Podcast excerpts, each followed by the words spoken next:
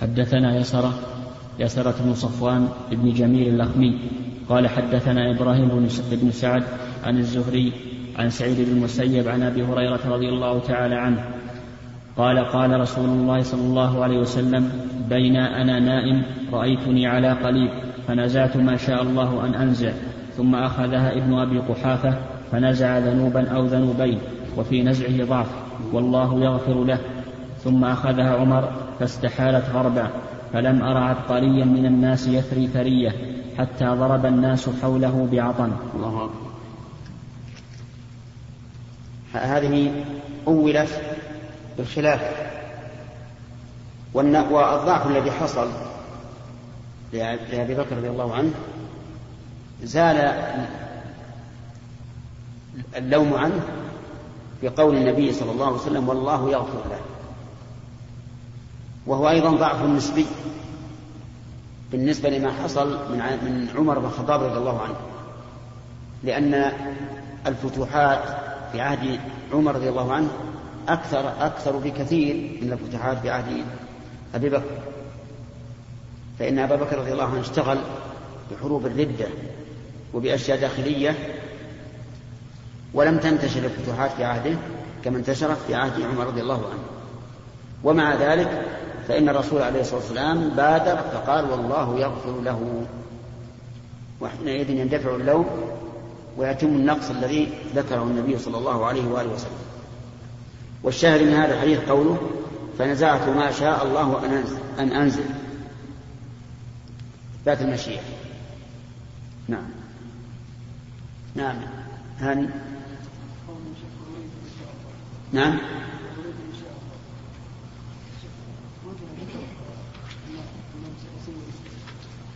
اي نعم. يعني أن أريد بما أن أنوي. ها؟ الإرادة يخبر يخبر أصحابه. هم لا يعلمون عما في قلبه. فقال أريد أن أتبع هذه الدعوة شفاعة لأمتي يوم القيامة. نعم. ما تريد أنت ولا نعم معنى قوله فاستحالت غربا فلم فلم أرى عبقريا من, من الناس يفري فرية حتى استحال استحالت يعني الذي الدلو الذي يزعب به. استحال يعني تحول إلى غرب والغرب هو الدلو الكبير. فلم أرى عبقريا عبقري والجيد القوي من الناس يفري فريا يعني ينزع نزعا. نعم. ارفع صوتك. نعم. إيش؟ إي نعم. إي ما في شيء نعم. كيف؟ أقول ما يكون مسوغا بلى. يعني سبب كثرة الفتوحات عهده أو أن طول مدته والثاني أن الجانب الداخلي كان ساكنا. نعم. بخلاف البر. حدثنا محمد بن العلاء قال حدثنا أبو أسامة عن بريد عن أبي بردة عن أبي موسى رضي الله تعالى عنه قال كان النبي صلى الله عليه وسلم إذا أتاه السائل وربما قال جاءه السائل أو صاحب الحاجة قال اشفعوا فلتؤجروا ويقضي الله على لسان رسوله ما شاء. نعم. الشاهد قوله على لسان رسوله ما شاء. وفي الحديث دليل على استحباب الشفاعة لصاحب الحاجة. وهذا مشروط بما إذا لم يكن في ذلك مفسدة. فإن كان في ذلك مفسدة فإن الشفاعة لا لا, تستحب لأن الشفاعة مصلحة محدودة. ترجع إلى صاحبه الذي شفع له فإذا كان ذلك يتضمن مفسدة عامة أو مفسدة خاصة على نفس المشفوع له فإنها لا تشرع فلو جاء شخص يسأل نفقة. وأنا أعلم أنه إذا أعطي النفقة سوف يبذرها ويشتري بها ما يحرم. من دخان أو غيره فحينئذ لا تشرع الشفاعة. لأن هذه الشفاعة ستؤدي إلى شيء محرم. وكذلك إذا كان يخشى من مسألة عامة بحيث إذا شفعت له صار هذا وسيلة إلى أن يستعمل الناس الرشاوي والوسائط التي ليس لها حق. فهذا أيضا لا نشفع له. أما إذا لم يكن في ذلك مفسدة فلا شك أن الشفاعة للناس وقضاء, وقضاء حوائجهم لا شك أنه يؤمر به شرعا نعم.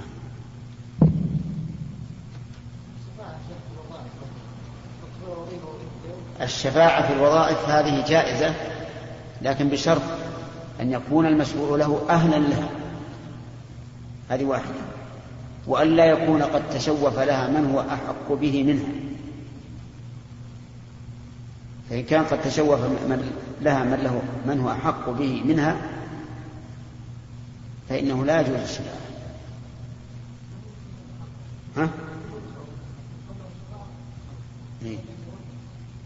إذا كان كلهم واحد فالظاهر لي أنه إذا كان ليس هناك مزاحمة فلا بأس نعم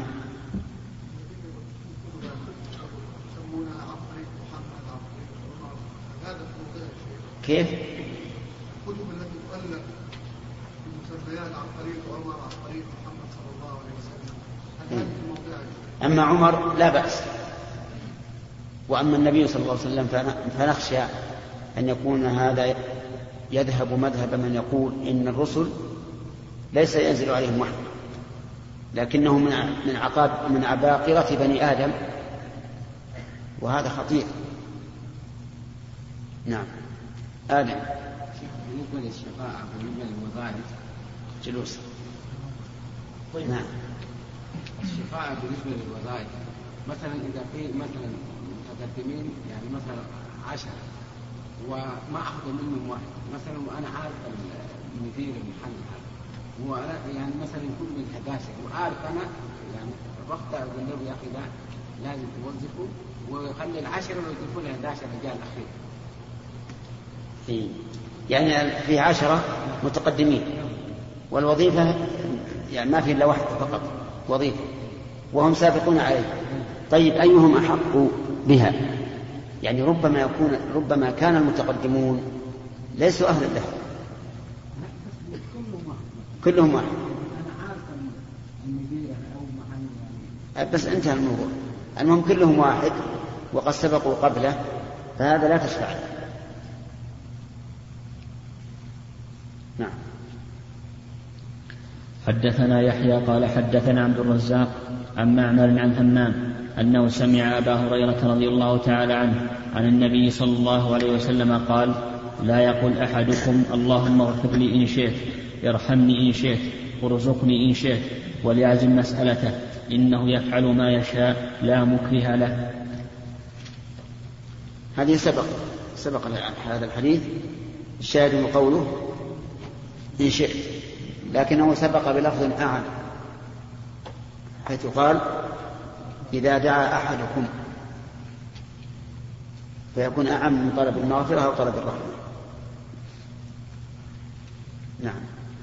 وحدثنا عبد الله بن محمد قال حدثنا أبو حفص أبو حفص عمرو قال حدثنا الأوزاعي قال حدثني ابن شهاب عن عبيد الله بن عبد الله بن عتبة بن مسعود عن ابن عباس رضي الله تعالى, تعالى عنهما أنه تمارى هو والحر بن قيس ابن حصين الفزاري في صاحب موسى أهو خضر فمر بهما أبي بن كعب الأنصاري فدعاه ابن عباس فقال إني تماريت أنا وصاحبي هذا في صاحب موسى الذي سأل السبيل إلى لقيه هل سمعت رسول الله صلى الله عليه وسلم يذكر شأنه؟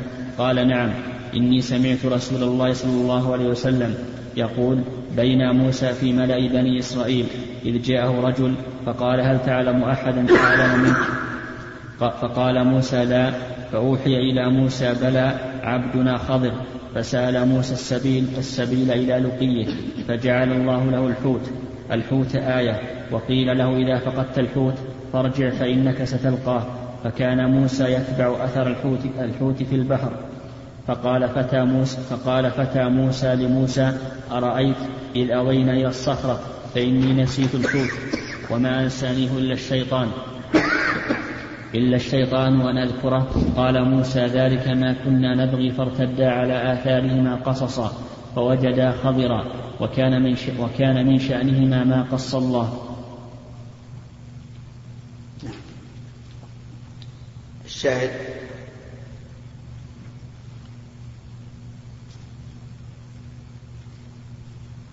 ما هو الشاهد هذا الحديث؟ المؤلف ساقه في باب الإرادة والمشيئة.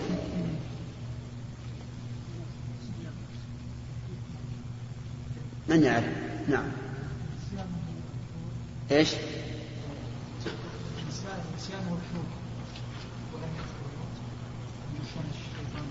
القصة فيها ستجدني إن شاء الله صابرا ولا أعصي لك والمؤلف رحمه الله اختصر في هذا المكان والشاهد قوله ستجدني إن شاء الله صابرا.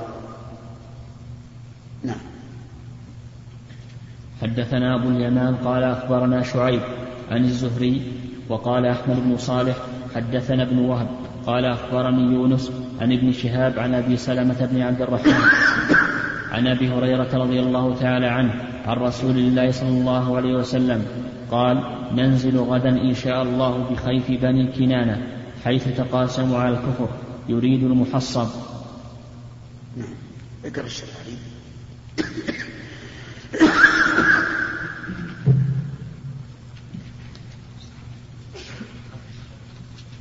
نعم. نأتي بالحج. نعم. نأتي موجود هنا؟ إيه. طيب. نعم. هل هذا صحيح؟ لا الصحيح أنه لا, لا, لا ليس صحيح. اعطني كتاب الحج يعني. الصحيح أنه ليس بحي كما قال شيخ الإسلام رحمه الله قال لو كان حيا لوجب عليه أن يأتي إلى النبي عليه الصلاة والسلام ويؤمن به ويتبعه. لأنه ما ما من أحد يسمع بالرسول عليه الصلاة والسلام ثم لا يؤمن بما جاء به إلا كان من أصحاب النار. الذين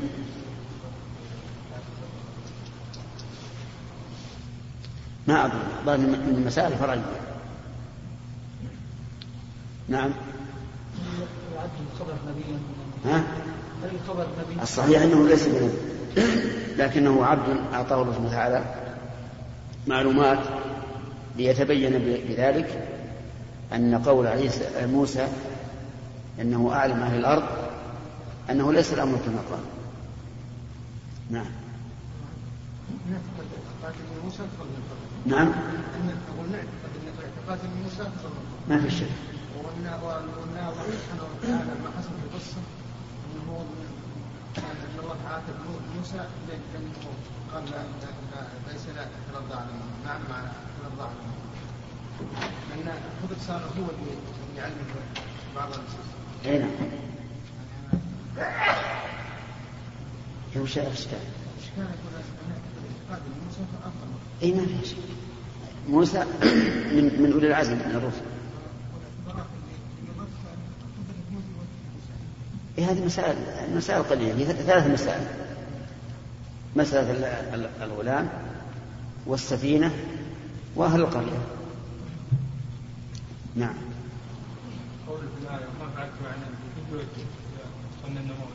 إلهام مثل ما أن الله أوحى إلى النحل أن يتخذ من الجبال بيوتا ومن الشجر ومما يعرشون. نعم.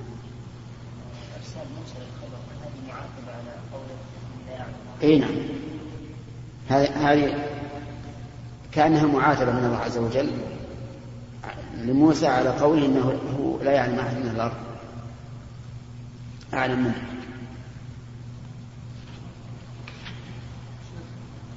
الذي يقول بان القول افضل من الرسل ان يكفر لعل هذا من الصوفيه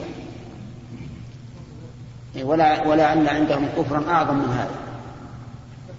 لأن بعض غلاة الصوفية يقولون إن الأولياء أفضل من الأنبياء والأنبياء أفضل من الرسل لأن الرسل خدم والأنبياء من النبوة وهي الرفعة. وفرق بين من يكون عاليا وبين من يكون خادما. ولهذا ينشدون من من أشعارهم مقام النبوة في برزخ فويق الرسول ودون الولي. والذي يقول إن خضر أفضل من الرسل؟ كاذب. لا شك أنه كاذب. صحيح أنه فضل موسى في هذه المسائل الثلاث فقط. نعم. يقول عن أبي هريرة رضي الله عنه قال قال النبي صلى الله عليه وسلم من الغد يوم النحر وهو بمنى نحن نازلون غدا بخيف بني كنانة حيث تقاسموا على الكفر يعني بذلك المحصر وذلك أن قريش وكنانة تحالفت على بني هاشم وبني عبد المطلب أو بني المطلب ألا يناكحوهم ولا يبايعوهم حتى, يسلم حتى يسلموا إليهم النبي صلى الله عليه وسلم. قوله باب نزول النبي مكة أي موضع نزوله. ووقع هنا في نسخة الصغاني قال أبو عبد الله نسبت الدور إلى عقيل وتورث الدور وتباع وتشترى. قلت والمحل اللائق بهذه الزيادة الباب الذي قبل لما تقدم. والله أعلم. قوله حين أراد قدوم مكة بين في الرواية التي بعدها أن ذلك كان حين رجوعه من منى. قوله إن شاء الله تعالى هو على سبيل التبرك والامتثال للآية. قوله يعني بذلك المحصب في رواية المستملي يعني ذلك. والأول أصح ويختلج في خاطري أن جميع ما بعد قوله يعني المحصب إلى آخر الحديث من قوله الزهري قد أدرج في الخبر. فقد رواه شعيب كما في هذا الباب وإبراهيم بن سعد كما سيأتي في السيرة ويونس ويونس كما سيأتي في التوحيد. كلهم عن ابن شهاب مقتصرين على الموصول منه إلى قوله على الكفر. ومن ثم لم يذكر مسلم في روايته شيئا من ذلك. قوله وذلك أن قريش وكنانة فيه إشعار بأن في كنانة من ليس قرشيا إذ العطف يقتضي المغايرة. فيترجح القول بأن قريشا من ولد فهر بن مالك على القول بأنهم, بأنهم ولد كنانة. نعم لم يعقب النظر غير مالك ولا مالك غير فهر. فقريش ولد النضر بن كنانة. وأما كنانة فأعقب من غير النضر فلهذا وقعت المغايرة. قوله تحالفت على بني هاشم وبني عبد المطلب أو بني المطلب كذا وقع عنده بالشك ووقع عند البيهقي من طريق أخرى عن الوليد. وبني المطلب بغير شك فكأن الوهم منه فسيأتي على الصواب ويأتي شرحه في أواخر الباب. قوله ألا يناكحوهم ولا يبايعوهم في رواية محمد بن مصعب عن الأوزاعي عند أحمد أن لا يناكحوهم ولا يخالطوهم. وفي رواية داود بن رشيد عن الوليد عن الإسماعيلي وأن لا يكون بينهم وبينهم شيء وهي أعم. وهذا هو المراد بقوله في الحديث على الكفر. قوله حتى يسلموا بضم أوله وإسكان المهملة وكسر اللين وكسر اللام. قوله خلاص طيب. صار هذا القول قاله الرسول عليه الصلاة والسلام في حجة الوداع. والمحصب سمي بذلك لأنه كثير الحصباء وهو محل في ظاهر مكة.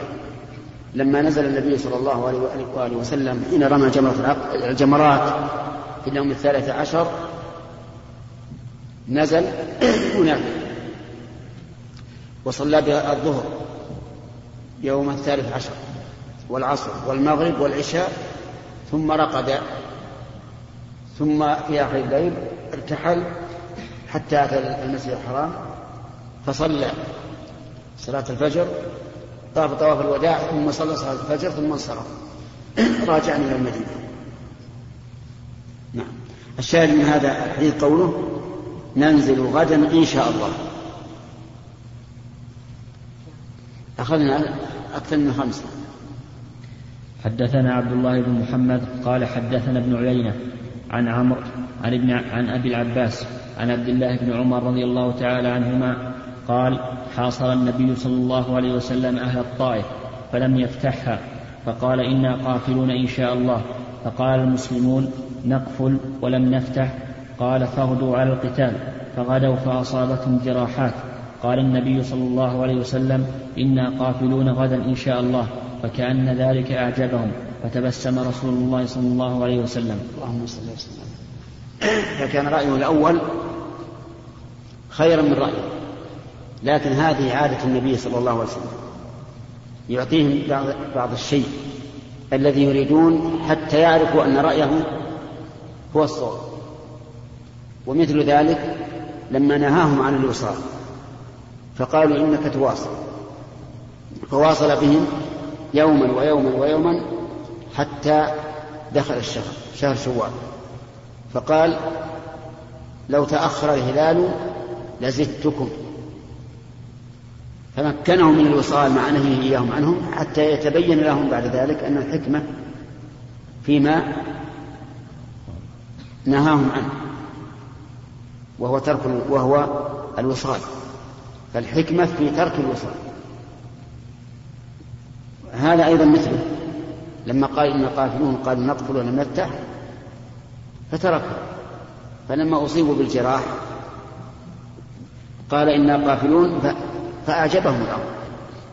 فتبسم النبي صلى الله عليه وسلم وقف. نعم. نعم.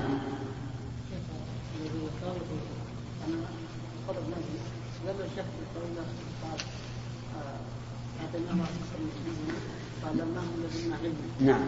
وأيضا بقوله لموسى إن على الاصفر الذي في البحر قال إن علمي وعلم الكلب بجنب علم الله الا مثل هذا وقول النبي صلى الله عليه وسلم آه رحم الله أخي موسى لو سكت أو لو صبر ليقص علينا الله من أمره أو من أمره. يعني أنه عنده علم ما في شك. ما في شك إنه عنده إنه عنده علم. لكن كل هذا علم ليس عن نبوة. ليس له قوم. ولم يقل انه إن إنه نبي. ولم يذكر في الأنبياء في القرآن. والنبوة تحتاج إلى ثبوت أمر لا شك فيه. لأن عقيدة. يأتي أمر محتمل ثم نقول له هو نبي. هل يحتاج بها تقوية الأنبياء أو وحي يعني أنه لا يحتاج برؤيات الأنبياء أو الوحي هذا هذا يا شيخ ليس اعتراضا لكن. لا بل لنرى أنه ليس بنبي نعم.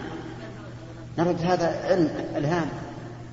ربما يعطي الله الإنسان الإنسان اللي تابع للرسول يعطيه علما من عنده. يكون من باب الكرامات. هذا عمر بن الخطاب رضي الله عنه كشف له عن سارية وهو في العراق. وأبو بكر رضي الله عنه كشف له عما في بطن زوجته. الله قد يعطي لها أحد كرامة. سم. باب قوله تعالى ولا تنفع الشفاعة عنده إلا لمن أذن له. حتى إذا فزع عن قلوبهم قالوا ماذا قال ربكم؟ قالوا الحق وهو العلي الكبير. ولم يقل ماذا خلق ربكم؟ وقال جل ذكره من ذا الذي يشفع عنده إلا بعلمه وقال مسروق عن ابن مسعود إذا تكلم إذا تكلم الله بالوحي سمع أهل السماوات شيئا فإذا فزع عن قلوبهم وسكن الصوت عرفوا أنه الحق من ربكم ونادوا ماذا قال ربكم؟ قالوا الحق.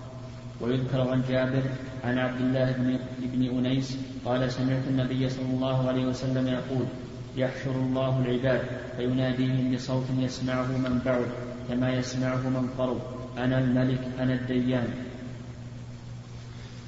هذا الحديث هذا الباب عقده المؤلف رحمه الله ليبين أن قول الله عز وجل يكون بصوت. وهذا الذي عليه السلف الصالح أن كلام الله تعالى بحرف وصوت. والأدلة على ذلك سبقت. وقلنا إن قول الله تعالى وإذ قال الله يا عيسى ابن مريم وإذ قلنا للملائكة اسجدوا لآدم وأمثالهما تدل دلالة واضحة على أنه يقول قولا يسمع بل إن الله فصل الصوت لأنه كان يكون رفيعا ويكون دون ذلك. كما قال تعالى وناديناه من جانب الطور الأيمن وقربناه نجيا فالسلف يقولون إن الله يتكلم ويقول بكلام مسموع وبكلام يكون بحروف وهذه الحروف متعاقبة وليست متقارنة فالباء في بسم الله الرحمن الرحيم سابقة والسين بعدها والميم بعدهما وهلم جرا. ولا يضر أن تحدث الحروف حرفا بعد حرف لأنه كما سبق أن الله لم يزل ولا يزال فعالا والذي يحدث هو آحاد الكلام. وهو من الكمال أن يكون متى شاء تكلم بما شاء. وأما الصوت فظاهر أيضا. ناديناه من جانب الطول الأيمن هذا بصوت عالي. وقربناه نجيا بصوت منخفض. ثم الحديث يقول الله تعالى يا آدم فيقول لبيك وسعديك فينادي بصوت إن الله يأمرك أن تخرج من ذريتك بعثا إلى النار. قال فينادي بصوت فأكد النداء بأنه بصوت مع أن النداء لا يكون إلا بصوت لكن هذا من باب التوكيد كقوله وكلم الله موسى تكليما.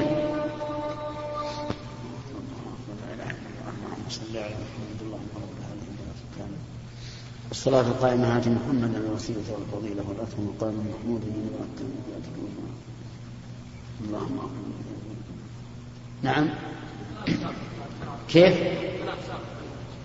كلام عندي؟ ما هو؟ بعد قوله وقال مسلوب قوله فإذا فزع عن قلوبهم في الصوت عرفوا أنه حق قرأ الجملة ونادوا ماذا قال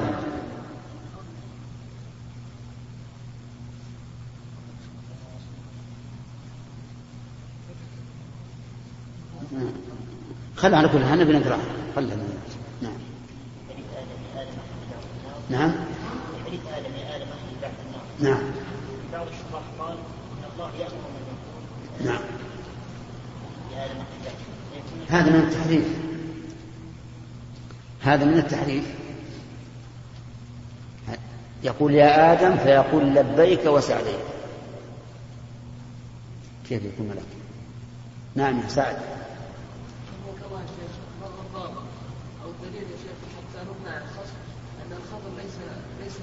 نعم. دعوا هذه المسألة وراجعوها في كتب العلماء.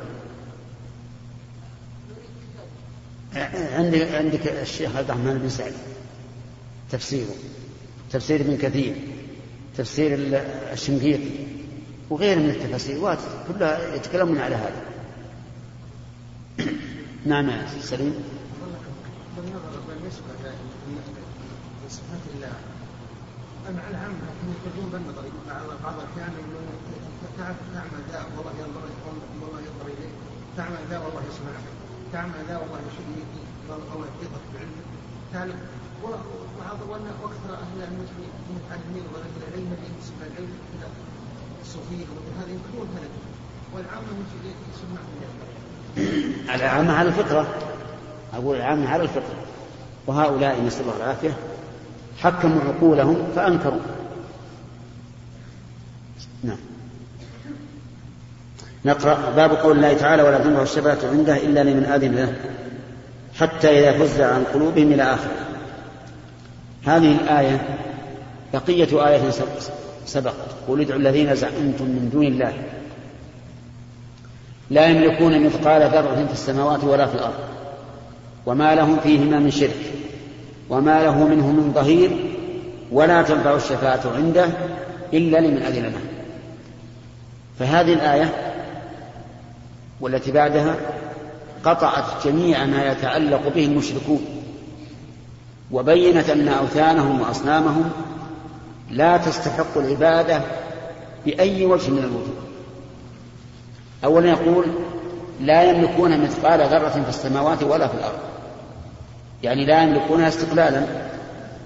مثلا لا يملكون الأرض لا يملكون السماء لا يملكون نجمة من النجوم لا يملكون شجرة من الأشجار لا يملكون ذرة من الذرات من الأرض على وجه الاستقلال. وما لهم فيهما من شرك يعني ولا يملكونها على وجه المشاركة. وأظنكم تعرفون الفرق بين هذا وهذا. الاستقلال مثلا إذا قدرنا أن هذه عشر أن هذه عشر من الغنم. لي خمس معينات ولك خمس معينات. هذا ملك إيش استقلالي ولا مشاركة. استقلال. وإذا كانت العشر بيننا ورثناها عن أبينا مثلا فهذه مشاركة.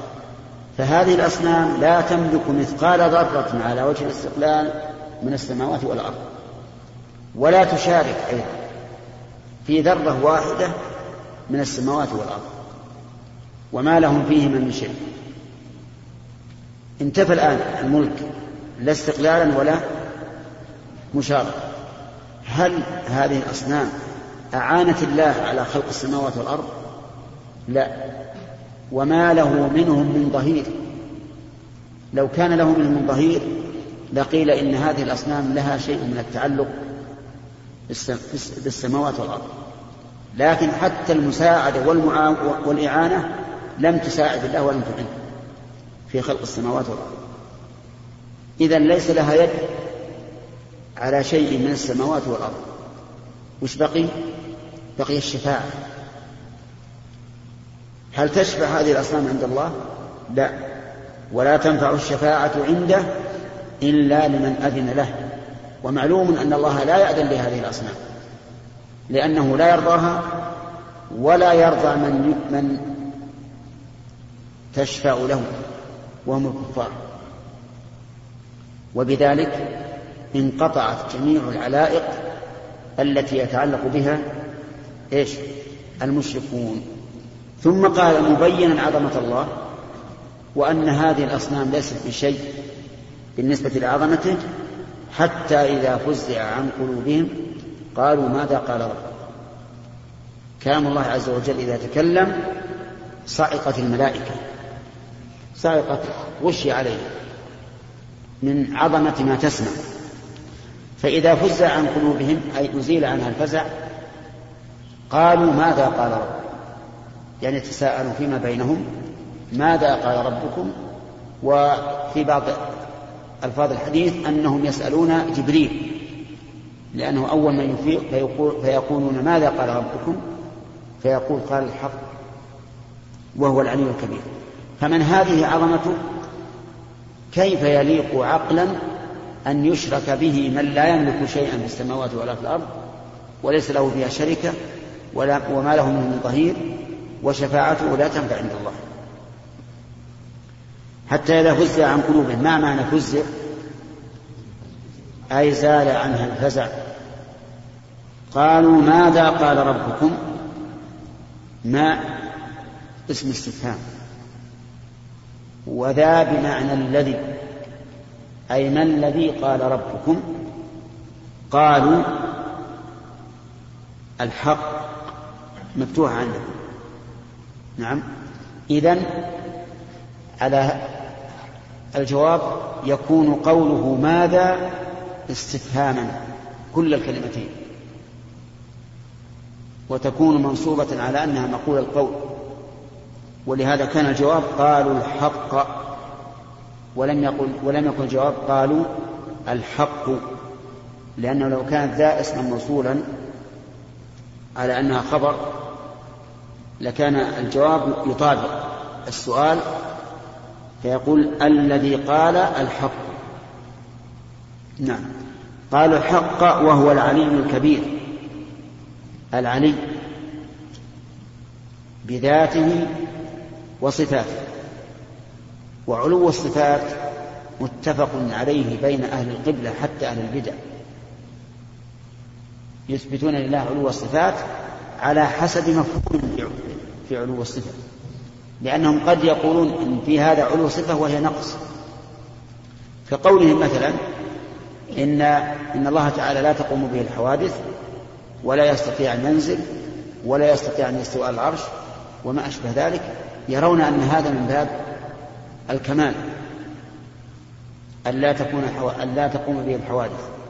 لكن على كل حال أهل القبلة أي من ينتسب للإسلام كلهم متفقون على أن الله عال علو صفة حسب مفهومهم في علو الصفة. أما علو الذات فإنه عند السلف فقط. أما أهل التحريف والتعطيل أو أهل الحلول فلا. لأن أهل الحلول من الجهمية وغيرهم يقولون إن الله في كل مكان وأهل التعطيل يقولون لا يوصف بأنه فوق العالم ولا تحته ولا يمين ولا شمال ولا متصل ولا منفصل. وسبق الكلام على هذا وبيان أن العلو الذاتي قد دل عليه الكتاب والسنة. إيش بعد؟ والإجماع والعقل والفطرة. قال وهو العلي الكبير. أما الكبير فهو سبحانه وتعالى ذو الكبرياء والعظمة. ولم يقل ماذا خلق ربكم. هذا رد على من؟ على الجهمية الذين يقولون إن الله إن كلام الله مخلوق. وربما نقول وعلى الأشاعرة الذين يقولون إن ما يسمع إيش؟ مخلوق. لأن الأشاعرة يقولون ما يسمع من كلام الله. ليس هو كلام الله. كلام الله هو المعنى القائم بنفسه. وما يسمع فهو مخلوق خلقه الله للتعبير عما في نفسه. يقول وقال وقال جل ذكره من ذا الذي يشفع عنده إلا بإذنه. من ذا الذي يشفع عنده إلا بإذنه. يعني لا أحد يشفع إلا بإذنه. والإذن هو الأمر لمن طلب الشفاعة يشفع. وهذا لا يكون إلا بالكلام. وقال مسروق عن مسعود رضي الله عنه إذا تكلم الله بالوحي سمع أهل السماوات شيئا فإذا فزع عن قلوبهم وسكن الصوت عرفوا أنه الحق ونادوا ماذا قال ربكم؟ قالوا الحق. هذه نسختنا. والنسخة اللي عندكم عرفوا أنه الحق من ربكم عرفوا أنه الحق من زيادة من ربكم نسخة ثانية. هذا القول عن ابن مسعود كما تشاهدون معلق في البخاري لكنه مجزوم به. وقد قال أهل الاصطلاح إن البخاري إذا قال إذا قال إذا روى شيئا معلقا مجزوما به فهو عنده صحيح. ولكن لا يلزم من صحته عنده أن يكون صحيحا عند غيره. لكن هو يرى أنه صحيح. وابن مسعود رضي الله عنه حين تكلم بهذا الكلام يكون له حكم الرفع لأن هذا لا يقال لا يقال بالرأي والاجتهاد فيكون له حكم الرفع ويذكر عن جابر عن عبد الله بن أنيس يذكر نقله بصيغة التمريض فهو على عنده ضعيف. عن جابر عن عبد الله بن أنيس قال سمعت النبي صلى الله عليه وسلم يقول يحشر الله العباد فيناديهم بصوت يسمعه من بعد كما يسمعه من قرب أنا الملك وأنا الديان. وهذا الحديث هو الحديث المشهور الذي ارتحل فيه ارتحل له جابر بن عبد الله مسيرة شهر. حدث بهذا الحديث عن عبد الله بن أنيس فذهب إلى عبد الله بن أنيس. مسيرة شهر. لهذا الحديث وحده. نعم لهذا الحديث وحده. لماذا؟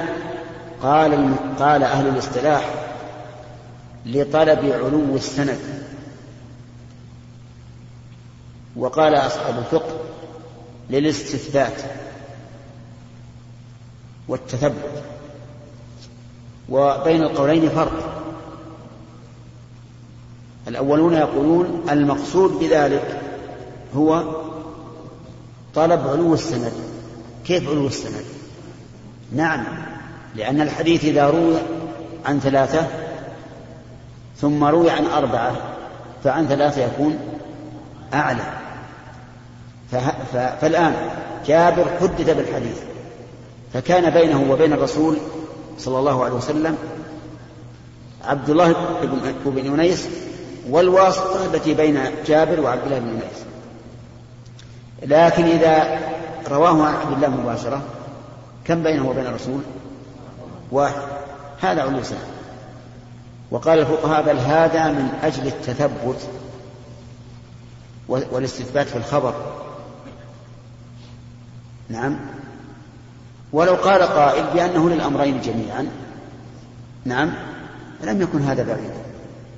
وإن كان مسألة علو السند ونزول السند لم تكن معروفة بذلك العهد. تلك المعرفة التي آه، يعني يشار إليها ويرتحل إليها. من خرج الحديث.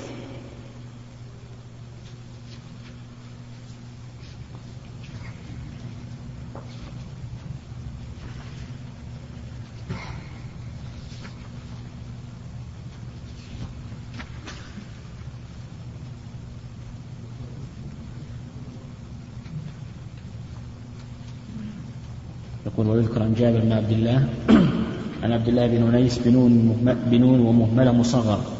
هو الجهني كما تقدم في كتاب العلم وأن الحديث الموقوف هناك طرف من هذا الحديث المرفوع وتقدم بيان الحكمة من إيراده هنا بصيغة الجزم وهنا بصيغة التمريض وساق هنا من الحديث بعضه وأخرجه بتمام في الأدب المفرد وكذا أخرجه أحمد وأبو يعلى والطبراني كلهم من طريق همام بن يحيى عن القاسم بن عبد الواحد المكي عن عبد الله بن محمد بن عقيل أنه سمع جابر بن عبد الله يقول فذكر القصة وأول المتن المرفوع يحشر الله الناس يوم القيامة أو قال العباد عراة غرلا بهما.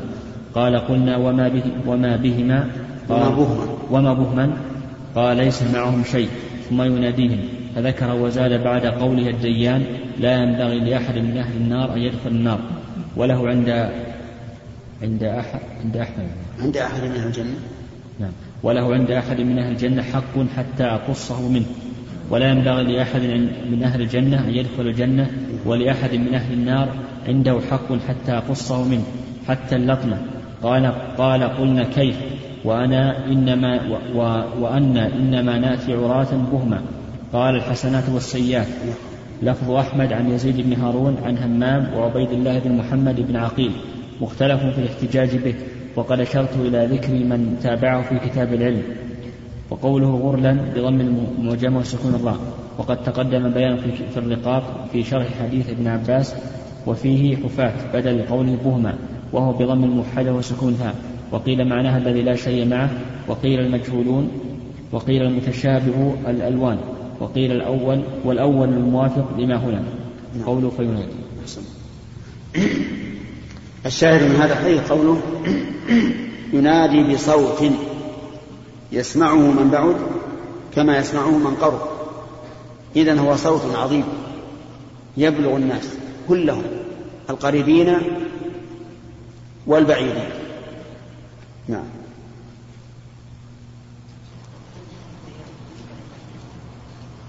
إذا صح الحديث فهو من أسماء الله معنى الديان الذي يجازي؟ الديان المجازي. ومنه مالك يوم الدين أي يوم الجزاء. نعم. قصاص يوم القيامة وأن المسلم يعني ظلم الكافر قصاص يؤخذ هذا الحديث يدل على أنه يؤخذ. يؤخذ حق الكافر من المسلم وحق المسلم من الكافر. لأن حق العباد لا بد من من استيفائه. نعم. حق حق الكافر المسلم ما ينفعه ما يخرجه من نعم. يعني انتفاع هذا أهم شيء أنه يؤخذ تنقص الحسنات. فإما أن تجعل تخفيفا على على الكافر مدة حسب المظلمة وإما أن يحرمها المسلم ولا يعطى هذا. لكن كمال العدل أن ننتفع ذاك. نعم يا مسلم. نعم. نعم. لا لا. المقصود أنه أن قول الله تعالى كله حق. القرآن وغير القرآن. والمراد ما يسمعونه نعم. حدثنا علي بن عبد الله قال حدثنا سفيان عن عامر عن عكرمة عن أبي هريرة رضي الله تعالى عنه يبلغ به النبي صلى الله عليه وسلم. قال إذا قضى الله الأمر في السماء ضربت الملائكة بأجنحتها خضعانا لقوله كأنه سلسلة على صفوان. قال علي وقال غيره صفوان. صفوان ينفذهم. ينفذهم ذلك. فإذا فزع عن قلوبهم قالوا ماذا قال ربكم؟ قالوا الحق وهو العلي الكبير. نعم. قال علي. قال علي حدثنا سفيان قال حدثنا عمرو عن عكرمة عن أبي هريرة بهذا. قال سفيان قال عمرو سمعت عكرمة قال حدثنا أبو هريرة قال علي قلت لسفيان قال سمعت عكرمة قال سمعت أبا هريرة قال نعم قلت لسفيان إن إنسانا روى عن عمرو عن عكرمة عن أبي هريرة يرفعه أنه قرأ فزع قال سفيان هكذا قرأ عمرو فلا أدري سمعه هكذا أم لا قال سفيان وهي قراءتنا إيش؟ إيش؟ هذا الظاهر هذا الظاهر. فزع هي القراءة.